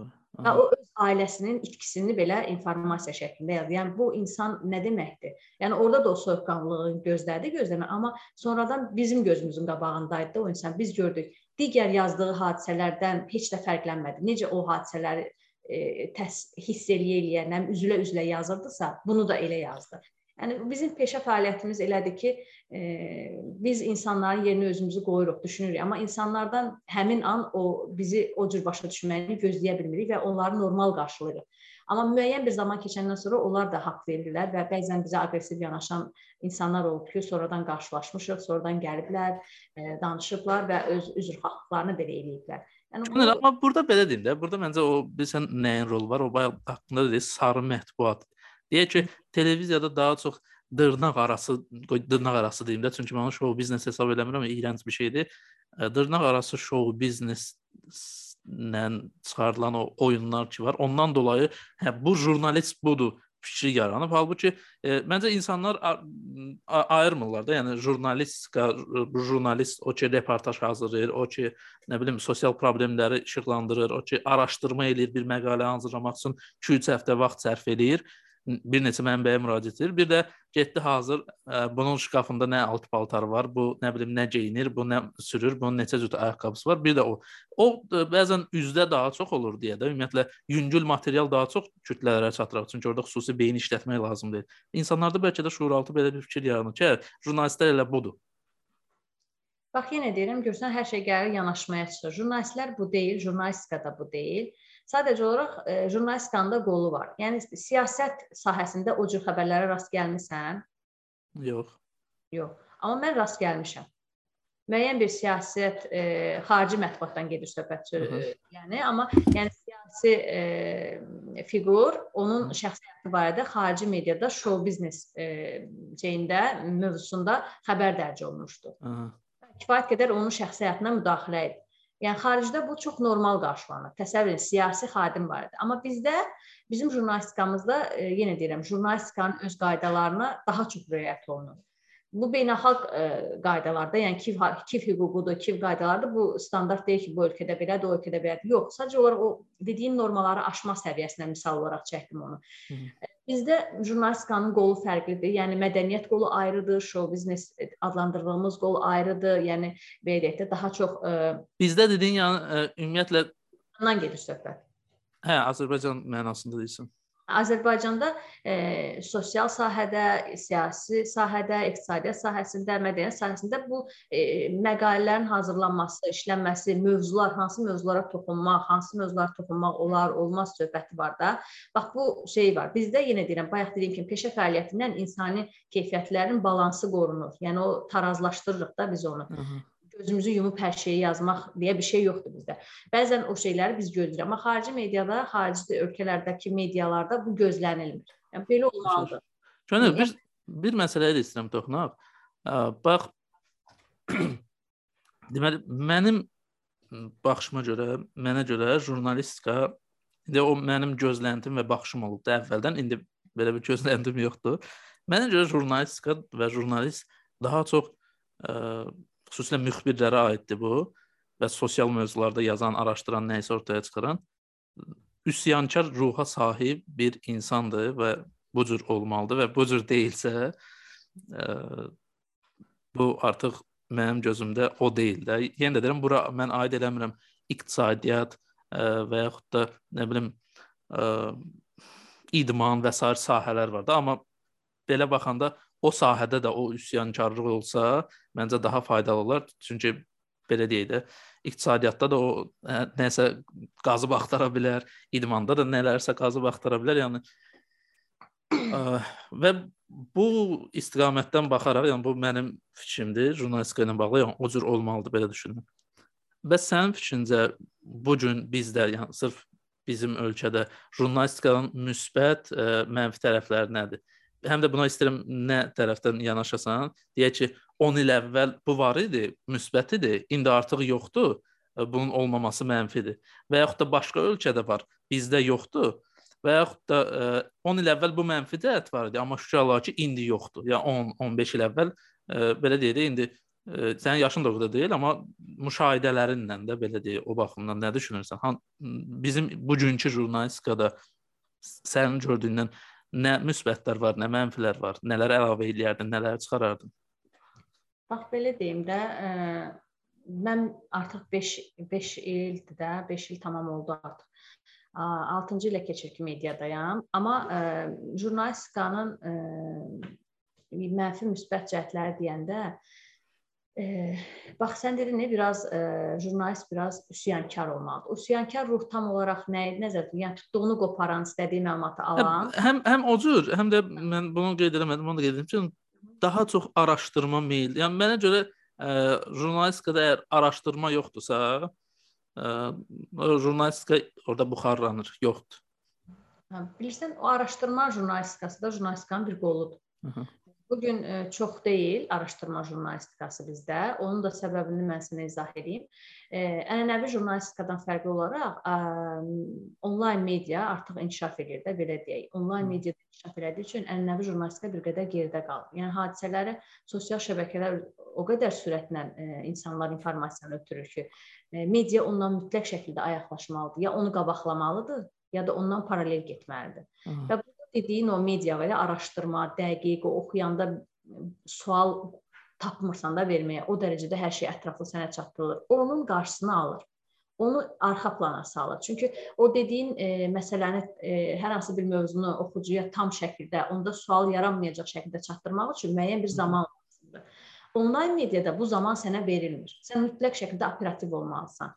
Ona görə bəzən jurnalistikada qeyri-dəqiq informasiyalar yayılır, bax həmin o operativ olum deyə ilkin məlumatı birinci mən verim deyə müəyyən bir yanlışlıqlara da yol verilə bilər. Təbii ki, bu yenə deyirəm, olmamalıdır. Mənə görə olmamalıdır. Çünki e, hər hansı bir informasiyanı verirsənsə, sən bu informasiyada hər hansı bir insanın həyatına toxunursan, başa düşürsən? Aha. Yəni insanın həyatına toxunursan. Sənə görə ani bir səhv ola bilər, amma o insan üçün o başqa bir amil daşıyır. Onun şəxsi nüfuzu var, onun e, dostu tanışı var, o adlı. Belə baxanda oxucunun da həyatına təsir edir də. Yəni adamda bir münasibət yaranır. Yazdığımız, bizim yazdığımız mövzular, işlədiyimiz mövzular hər bir oxucunun həyatı ola bilər. Hər bir Hı. oxucunun həyatında yaşadığı bir hadisəyə toxuna bilər. Ona görə biz maksimum ehtiyatlı olmalıyıq. Maksimum e, düzgün ol. Məsələn, mən həmişə e, rəhbərliyimə də onu demişəm, redaktorlarıma da onu demişəm.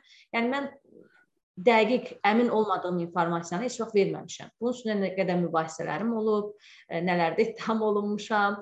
E, amma və yəni da gedibsə öz imzamı verməmisən də onun altında. imzasız imzasız mənim belə deyək, yazılarım olur. Amma necə olur? Yenə dediyim kimi, mənim məlumatım deyil. Sadəcə ola bilər ki, məsələn, hansısa həmkarıma köməklik məqsədi ilə hə. olmayıb mən onun sahəsini dəqiqləşdirdim. Hə, başa düşdüm, başa düşdüm. Yəni amma öz sahəmə aid olan və özümdə mənbəsi məndə olan, əmin olduğum bütün informasiyalar mənim imzamdan gedir. Bəs belə olubmu ki, e, o bayaq dedin rəhbərliyi ilə də münaqişə yaranıb da, deyək ki, münaqişə deyəndə yəni sözünüz üst-üstə düşməyib.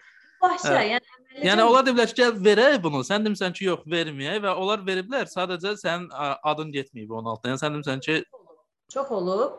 E, mübahisə yaranıb, e, mübahisə yaranıb, amma yenə deyirəm, e, müəllif mənəm deyə və orada məlumat məndən gedir deyə mən o məlumatdan yenə deyirəm, e, ya demişəm ki, mən məlumatın verilməsini istəmirəm, Aha. ya demişəm ki, e, yəni o zaman özünüz və yaxud da başqa həmkara tapşırın, dəqiqləşdirsin, elə verin. Çünki məndə olan məlumatları, mənbəni, Aha. yəni mən sizə e, vermirəm də.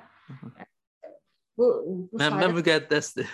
Əlbəttə ki, yəni tutaq ki, məsələn, mən o imzamı qoymuram o məlumata, düzdürmü? Məsuliyyət artıq məndə deyil. Hə. Və əgər o məlumatı redaktor verirsə, e, sabah hə, o məlumatla bağlı ona bir sual versələr, onun davamında dura bilməlidir. Yəni axtarıb tapa bilər onu. İndi onlayn mediada yenə deyirəm, hamımızın dostu var, yoldaşı var, kimdənsə kimdənsə. O onu da axtarıb tapa bilər müəyyən bir zaman ərzində. Amma onunla bağlı hər hansı bir problem yaşansa, o o mövzunun dərinliyinə qədər onun qarşısında durub həmin o ona deyən adama, ona mübahisə yaradan insana cavab verə bilməyəcək. Çünki müəllif və o, o mövzu hardan gəlib, o xəbər necə gəlib, hadisə necə olub, təfərrüat yoxdur. Başa düşürsünüzmü? Ona görə bu biraz şey məsələdir. E, başa düşdüm bunu. E, bunu başa düşdüm. Yəni başa-baş tutuşum, ver, vermə, ver, o cür olmur. Amma bir mübahisələr olur. Onun da nəticəsində yenə deyirəm, e, kollektiv işdir bu. Ona görə ortaq nəticə mütləq gəlinir və o şəkildə də dərc olunur. E, amma sən ə, e, mənə onu deməndə, yəni nələr ə, e, yaxşı ki var, nələr yoxdur, nələri götürərdin, əlində olsa nələrə əlavə eləyərdin? Onu dedim sənə. Məsələn, mən ə, ənənəvi jurnalistika, jurnalistikaya ayrılan həmin o zamanı geri istəyərdim ki, e, yenə deyirəm, hadisələr, e, məlumatlar normal şəkildə dərc olunsun. Yəni bir cümlə xəbər deyil, başa düşürsənmi? Bir cümlə yazılar falan yerdə falan şey oldu. Bu xəbər deyil. Sosial şəbəkədə məsələn videolar paylaşırlar. Allah bilir. Bəlkə elə bəlkə elə xəbər odur o bir cümlə. Bir cümlə xəbər dəqiq deyilsə, Səməd, əgər dəqiq Dəqiqdir, amma həmin o bir cümlə dəqiqdir. Ardı da gəlir də yenilənir. Dəqiqdirsə xəbərdir. Dəqiqdirsə xəbərdir. Amma axı qeyri də bayaq ona görə dedim sənə. Qeyri-dəqiq olur. Deyək ki, cəfər cəfərz eləyək ki, e, nə bilim, X adlı küçədə qəza olub və biz bilmirik və biz bilirik ki, hansı model avtomobillər toqquşub, amma neçə nəfər xəsarət alıb, ə, e, xəsarət alan varmı, ölən varmı, nədirsə onu ə, e, bilmirik və səbəbi bilmirik. Amma bilirik ki, həmin X adlı küçədə həmən marka avtomobillər. Bu bu artıq ə, e, yəni bir cümlədə də versək, bu artıq xəbərdir də. Çünki bu dəqiq məlumatdır, düzdürmü? Hı. Bu dəqiq məlumatdır və xəbərdir. Bunu etibarlı bir mənbə deyir və yaxud da özümüz şahid oluruq, Hı. yolda gedəndə çəkirik və yaxud da iş yoldaşımız o küçədən gəlir, bizə deyir ki, orada bir hadisə baş verib, çəkir fotosunu. Biz fotofakt, video faktla bu məlumatı veririk. Bu artıq xəbərdir. Hı. Buna demirəm mən sözümü. Bu artıq xəbərdir və artıq təfərrüatı da ardınca gəlir. Bəs sən nəyi nəzərdə tutdun? Nəzərdə tutduğum odur ki, sosial şəbəkələrdə videolar paylaşılır, sosial şəbəkədə e, məsələn e, şəkillər paylaşılır. Baxırsan ki, məsələn məktəbdir, e, məktəbin tam lövhəsində nəsə səhv yazılıb, hə?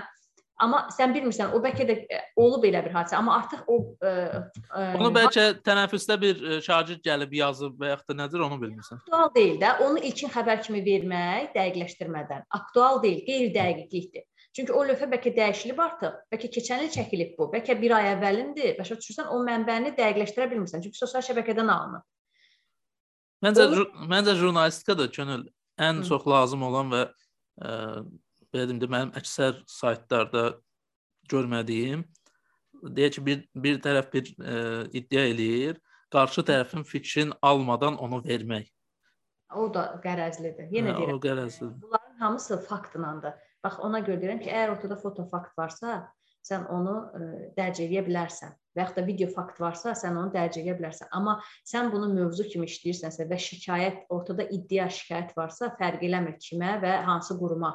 Sən ortada şikayət və ya iddia varsa, o vətəndaşın və yaxud da sənə həmin o şikayəti ünvanlayan şəxsin iddialarına qarşı e, necə deyim, həmin o qarşı tərəfin kimə ki o kimdən ki o şikayətçidir, Aha. həmin şikayət olunan qurumu, şikayət olunan şəxsi mütləq şəkildə fikrini almalısan. Yəni onun özünün müdafiəsinə söz verməlisən, haqq verməlisən. Başa düşdüm. Bu mütləqdir. Yəni bu kütləvi informasiya vasitələrində e, KIF haqqında qanunda qeyd olunub. Yəni sən bir tərəfi verə bilməzsən. Bəlkə bir insanın bir insandan qərəzi var. Onu dəqiqləşdirməlisən, qarşılıqlı, yəni onun fikrini, bunun fikrini qarşılıqlı qoymalısan və mövzudan asılı olaraq, əgər mövzu oxucuya buraxmalısan da belə deyə özü qərar versin. Onun e, hüquqi tərəfini buraxa bilmərik. Amma yenə deyirəm, mövzudan asılı olaraq əgər ora hüquqi qiymət verilməlisə, bu artıq aidiyyatı qurumların səlahiyyətinə keçir. Biz Başa. o sən haqlısan və ya da sən haqlısan deyə bilmərik. Jurnalist öz mövqeyinə qoymur ortaya. Könül, mövzudan kənar bir bir sual verim də. E, sənin məqalələrdə altda edir Könül Cəfərli. Burada Könül Sultanova yazılıb. Bu nəyə görə belədir? sən onu hardan gördün? yəni göstərir də, mənim də ad soyadım orada göstərir. Proqram sənindir. Hə, mən mediada e, Cəfərli soyadım. Hə, başa düşdüm. Hə. Yəni e, Könül Cəfərli soyadını harda görsəz, bilin ki, bizim podkastda olan Könüldür. Yəni ona görə həm də bu məsələyə toxundum. Çünki bu videoda ola bilsin e, böyük ehtimal görünür o hissə. Ona görə mən bu məsələyə də toxundum. İstəsən onu bağlayarsan, yəni kəsərsən. Yox, bağlamayacağam, o qalacaq qarışıqlıq yaradır o. Yox, yox, ya yaratmayacaq. Sadəcə mən bunu qeyd edirəm. Narahat olma, o qalacaq. Necə istəyirsən, mənim üçün heç bir fərqi yoxdur. Hə, mən ə, hər dəfə qonaqlardan bu barədə soruşuram, səndən də istəyirəm soruşum. Bizə nəsə ə, oxumaqla bağlı İndi bilmirəm nə dərəcədə vaxtın olur. Ümumiyyətlə bu günə qədər oxuduğun kitablardan hər hansısa bir ə, kitab istəyirəm tövsiyə eləyəsən. 1, 2 fərqi yoxdur da istənilən sayda ola bilər ki, o bizim həyatımıza hər hansısa bir formada əlbəttə ki, ə, e, müsbət yöndən təsir eləyə bilər. Hər hansı bir qısa hekayə ola bilər, hətta məqalə də ola bilər. Ə, e, nə bilim, belə bir şey tövsiyə elə ki, biz onu oxuyaq və və sənə deyim ki, mənim qonaqlarım bu günə qədər mən o kitabları ki, tövsiyə ediblər. Ə, e, mən onları oxuyuram və peşman deyiləm doğrudan. Ə, mən əslində yəni çox-çox oxuduğum bir kitab var. Ə, Ali Şafaqdır, səhv eləmirəmsə. Ali Şafaq? E, səhv eləmirəmsə. Yox, yox, o deyil, deyəm. Telefonda baxa bilərsən Google-da əgər istəyirsənsə axtar.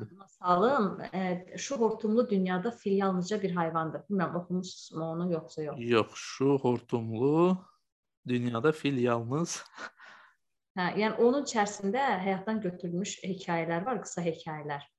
E, gözlə müəllifini də sənə deyəcəm.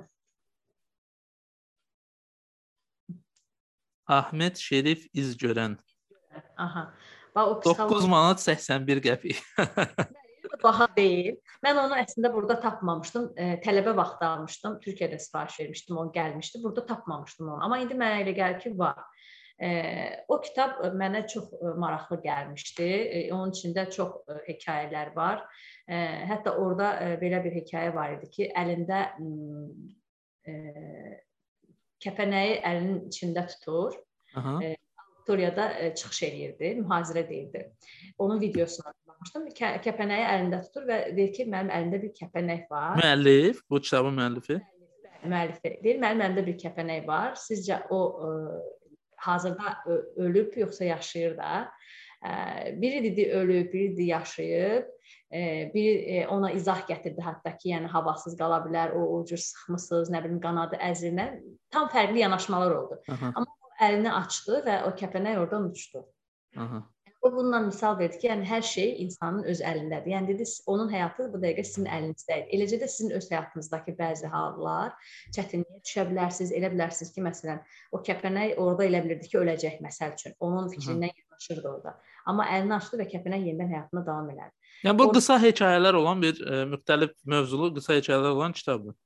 Amma elə bir e, e, aspektdən yanaşır ki, mən düşünürəm ki, yəni onu oxuyanlar varsa məndən razılaşacaq, oxumayanlar da tövsiyə edirəm oxusunlar. Elə bir aspektdən yanaşır ki, yəni siz yeni sizə yeni bir pəncərə açılır da, başa düşürsən? E, standart baxış bucağı formalaşır yəni. Formalaşır. Standart şablon sözlər deyil, standart Hı -hı. o ə, dəstəklər deyil də, yaxşı olacaq, yaxşı olacaq, o deyil müəyyən bir istiqamət yaradır sənə və sən artıq növbətisində özün o istiqamətlə baxırsan. Ferrari-sini satan ə, e, kahinin nə idi onun adı? Kitabı biraz oxudum. nəsə bilmirəm, mənim üçün o köhnəlmiş mövzu kimi gəldi, başımı buraxdım. Şu hortumlu dünyada fil yalnız bir hayvandır. Müəllif Ahmet Şerif İzgörən. Yəni bu podkastı platformalarda dinləyəcək adamlar üçün də təkrar ə, mən qeyd elədim. Təşəkkür edirəm. Hə, bir dənə sənin fikrin mənə önəmlidir. Hə, indi bir başqa kitabdayam. Onu bitirim, buna da keçəcəm. Mən özüm də açıram podkastları hərdən dinləyirəm. Plan hansı kitabı demişdim. Yalnız bu kitabı. Başqa var nəsə kitab vardı. Tövsiyə edirəm psixoloji olaraq. Digər kitablar zövq məsələsidir. Ona görə sizə düşməyə bilər. Filmlərdən də bir şey tövsiyə elə. Burada da eyni qədər bir dənə ola bilər, iki dənə ola bilər, fərq eləmir. Filmlər Nə filmlər tövsiyə edeyim? Həyatımızın filmləri. Həyatımızın filmləri. Ümumiyyətlə sən ə, ancaq var səndə belə bir şey deyək ki, Türkiyə istehsal filmlərə baxıram, Avropa, Amerika yoxsa qarışıqdır? Seçim yoxdur. Mövzu olaraq ə, daha doğrusu ə, qarşıma treylerlər çıxanda, maraqlı çəkəndə baxıram. Daha çox ə, belə deyək də psixoloji aspektə baxıram. Yəni mən fantastika və ya da dava dalaşı drama da olur, amma daha çox belə yenə deyirəm, psixoloji, yəni həyatdan götürülmüş ssenarilər mənə gəlir. Ona görə film ən son yadında qalan sənin təəs təəssürat buraxan səndə hansı film olub? Olub belə bir şey ümumiyyətlə? Ən sonuncu film Çünki mənim bil, sən deyəsən demişdin bir dəfə o Will Smith-in oğlu ilə ə, çəkildiyi filmlə bağlı deyəsən danışmışdıq bir dəfə səninlə. Adı da düz yadımda deyil. Məsələn, o Greenway var, e, o film e, Greenway? Aha, yaşıl yol. Greenway bir də dəqiqə. Greenway. Zəifdir deyə mən axtarıb sənə onu Ya mən axtarıram, hazırda görüm. A, ə, yaşıl mil, Zelenoy mil. Mən rusca baxıram onlara ona görə. Həbsxanada olan qara dəyərli o Tom Hanks-in, hə. Odur. Sonra ə, şey Green var. Mile, Green Mile gedirdi onun adı ingiliscə. Green Mile, hə. hə. Və V-yə görə mən nəsə belə qarışırdım. Bizən bu Green adı ilə bağlı müxtəlif filmlər çıxıb da, Green Book, nə bilim, Green nəsə, Green-dən bir neçə, Green Witch. bir məsələ, bir də Türklərdə bir film var. Məndə bu ad məsələsi həmişə problem olur. Məndə də o problemdir. Sən kimisə oradan dinlə, mən adamın adı ilə axtarım, tapım filmi. 7-ci hücrədəki möcüzə belə bir türk filmi var idi. Bəli, bəli, bəli. Qızların ağlayaraq çıxdığı ə, film. Mən ona baxmadım açığı hələ ki. Qızların ağlayaraq yox. Orada o ə, uşağın ə, necə deyim, atanın daha doğrusu fiziki qüsurlu ə, atadır. Yəni 50 7-ci kovuşdakı möcüzə. Hə, 50 olan bir şəxsdir və o da sosial həyatdan götürülən bir məsələdir. Yenə deyirəm sənə, o mövzu özü bizim ola bilər ki, biz görmürük, amma həyatda var elə insanlar. Bu Aras Bulut İynəmli deyirlər ki, orada çox yaxşı oynayıb. Yəni vaxt olsa bir baxaram görüm. Çox yaxşı oynayıb. Yəni yenə deyirəm, dava dalaş filmlərinə çoxu onu Çukurdan falan sevir, amma mən -hı. o filmə görə, yəni o filmdəki obrazı çox başqa cür canlandırdığına görə, yəni mən bəyənirəm o filmi. O filmdə mənə təsir edən filmlər arasındadır. Aha. Məncə başqa bir film olacaq yoxsa? Bu elə bir şeydir ki, Şap biz... deyə sual verirsən, adamda qarışır sistem. Hə, adam sistem qarışır. Özün bilirsən səhər saat 7-də evdən çıxıb axşam saat 8-ə evə gəlib çataram. Bu Sumqayıt Bakı yolunun propkası məni öldürür. Ona da izləyicilər də demiş oldum, mən Sumqayıtda yaşayıram. o günləri Sumqayıt yolundaydı. Deyəsən tur açmışdı, yəni qəza olmuşdu, nə olmuşdu? Aləm dəymişdi. Mən yolda qalmışam. 2 saat yolda. Düşüb piyada gedərdin də. Bəlkə də çatardım, inanırsan? Bəlkə Yox, belə hal olanda, ümumiyyətlə də tıxac olanda, mən marşrutda olanda nəsə Sadəcə düşürəm, piyada gedirəm. Yəni stress olmur. Ən azından sən o gözləmə ki var, o gözləmənin stressi olmur. Hardan çıxım gedim? Hardan baxa, şey, Xırdalan yolundan Sumqayıta gəlib gecə göz. Məsafə məsələsi var. Şəhər daxili olanda onu eləmək olur, amma bu o da düzdür. Gedim piyada. Ən azından kimsə yol yoldaşı olanda adam söhbət edə edir. Amma məndə şəhərdə olanda tıxac həmişə kitab ə, e, kitabda deyirəm, telefonda məndə bir audio kitab olur hazır. O da olmasa YouTube-da nəsə podkast açıram qulaq asıram o formada gedirəm. Şəhərdə olanda düzdür eləyirəm, amma belə iki şəhər arasında o mümkün olmur. hə, mən ümid edirəm ki, nə vaxtsa bu Xırdalan yolu, Sumqayıt yoluna bir sözün həqiqi mənasında alternativ bir yol olacaq belə də, yəni elə ki, maaşım yüksəlsin, özümə ev alım, bu izdirabdan qurtarım. Aha. Mən məsəl üçün onun tərəfdarı deyiləm. Səni arzu edirəm bu arada. Yəni sənin o arzuların sizin olsun, amma mən şəxsən ə, Bakıda sırf Bakıda şəhərin özündə yaşamaq istəməzdim. İstəyirdim ki, şəhər kənarında yaşayım.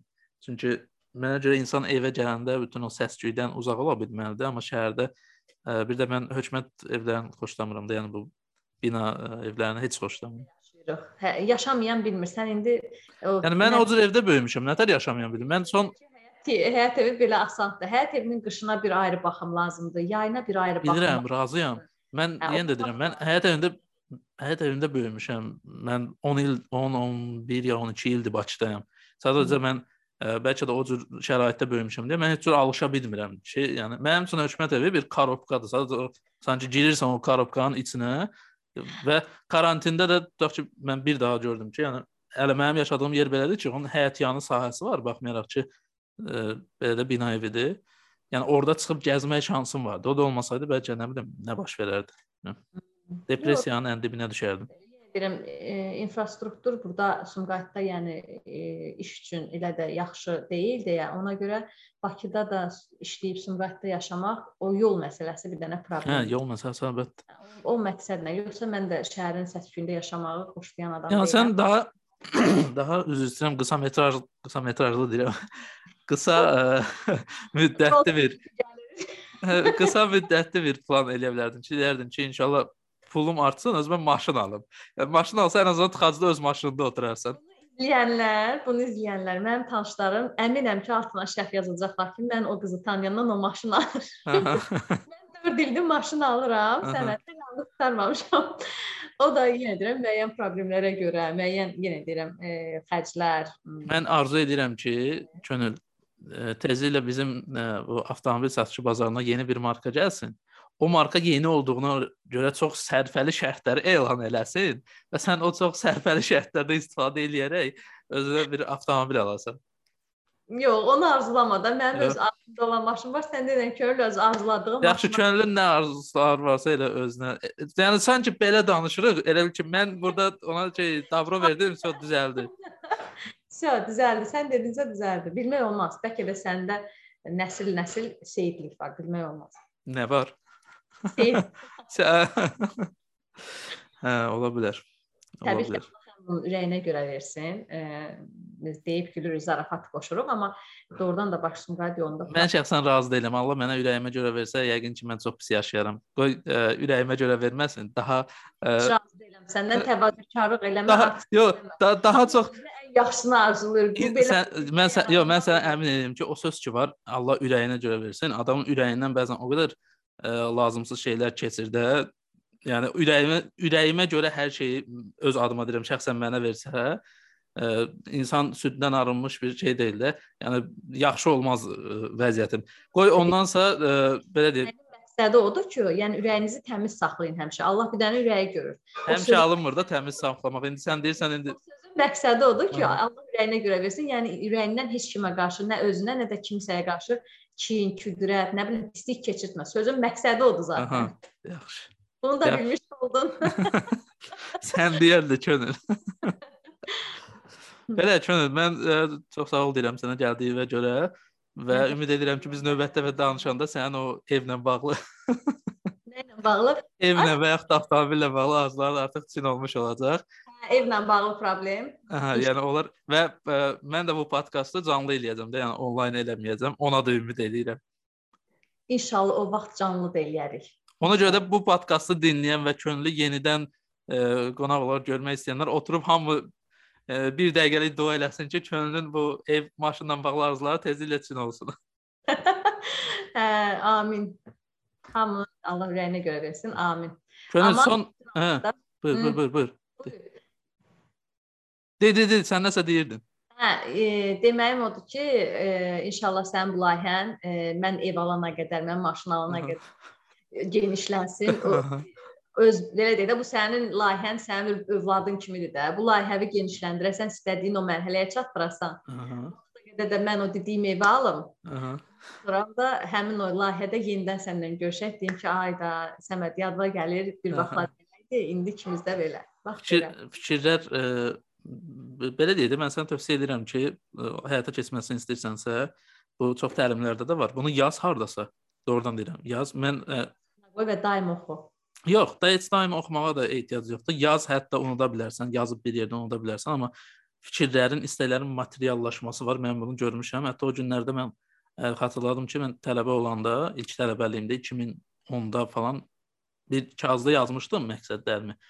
Və e, indi xatırladım, nə yazdıqlarım yadımdadır. Mənim yad indi mən başa düşürəm, olan bir neçəsi artıq həyata keçirib, həqiqətən həyata keçirib və fikirlər deyir fikirlər, düşüncələrinizdən e, ehtiyatlı olun, onların materiallaşma kimi bir e, qabiliyyət var. Həqiqətən belədir. Tutaq ki, dünən mənim bir fikrim çox sürətli materiallaşdı. Deməli, Yux teatrında Mehriban Əkbərzadənin quruluş verdiyi səfər eləmirəmsə Mənəm mən adlı tamaşası var idi. Mən də getmişəm ora. İndi bilet almışam. Əllərimi yuyuram və öz fikrimdə ə, bizim bir müəllimimiz var ondan danışıram. Yəni nətərdən bilirəm, nətərsə ağlıma gəldi və başladım danışmağa ki, e, biz onunla görüşsəydik bu barədə danışsaydıq nə cür olardı falan və bu mövzularda düşünürəm və e, tamaşanın başlamağına hələ bir deyəsən 40 dəqiqə var idi. Dedilər ki, 10 dəqiqə qalmış gələrsən. Qurtulum geyindim, çıxdım çölə. Bir 5-10 addım yeridim və görürəm ki, müəllimim gəlir üzbəüzdə. Bu dəqiqə mən onda fikrimlə danışırdım. Sadəcə ə, e, xanımı ilə gedirdi və mən ə, e, mane olmadım da sadəcə gülə-gülə getdim gəzməyə və fikirləşdim ki, bəzən fikirlər bu qədər sürətlə ə, e, materiallaşır, yəni reallığa çevrilir. Ona görə sən də yaz onu. Vacib deyil sənin gözünün qabağında olsun. Yaz lap unut. Amma onlar 100% materiallaşacaq. Mən əminəm ki, yəni çox keçməz ki, sənin evin də olar, maşının da olar. Ə, belə o Hollywood aktyoru bir sözü var. deyir, mən arzu edirəm ki, hər biriniz ə, milyonçu və tanınmış olasınız və başa düşəsiniz ki, ə, bunlar hamısı boş şeydir. Amma evi istəməkdə davam edir. Bu ölüb dirilir də evdən, maşından təmin. Elə o qədər təkrar elədim ki, sadəcə mövzu əsasında danışdıq və o yaşadığım o yol problemindən dolayı Yəni ən böyük arzu deyil bu. Şükür Allaha bu da evdir. Burada da yaşayıram, amma yəni o dediyimiz mövzu üzərindən gəldi. Bu könlün ən böyük arzusu kimi bunu qlanlaşdırmaq. O, o Şabanın bir e, filmində deyir, deyir, məsələ yəni. İndi burada da belə. Bu qədər. So ə, Könül, son olaraq nəsə bir fikrin, sözün nəsə varsa deyə bilərsən və biz bununla tamamlayırıq artıq.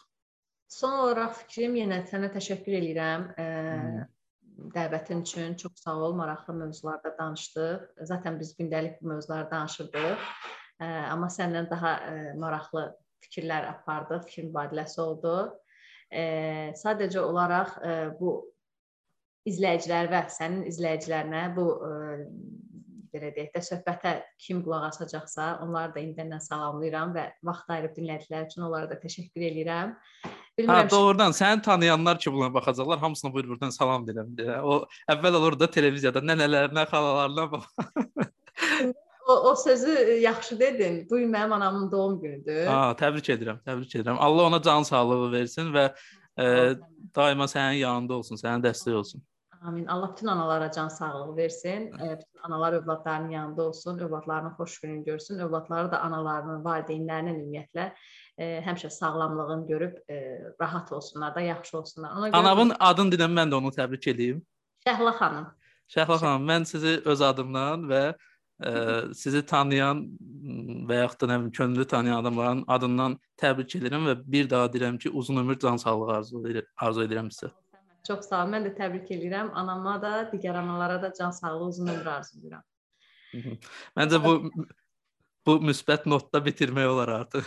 Sənin də vaxtını çox almayım. Təkrar təşəkkür edirəm. İnşallah daha maraqlı mövzularda, daha maraqlı e, belə deyək də e, Bu indi maraqsız idi də bu dəfəki mövzular. Onları keçin, bağışlayın.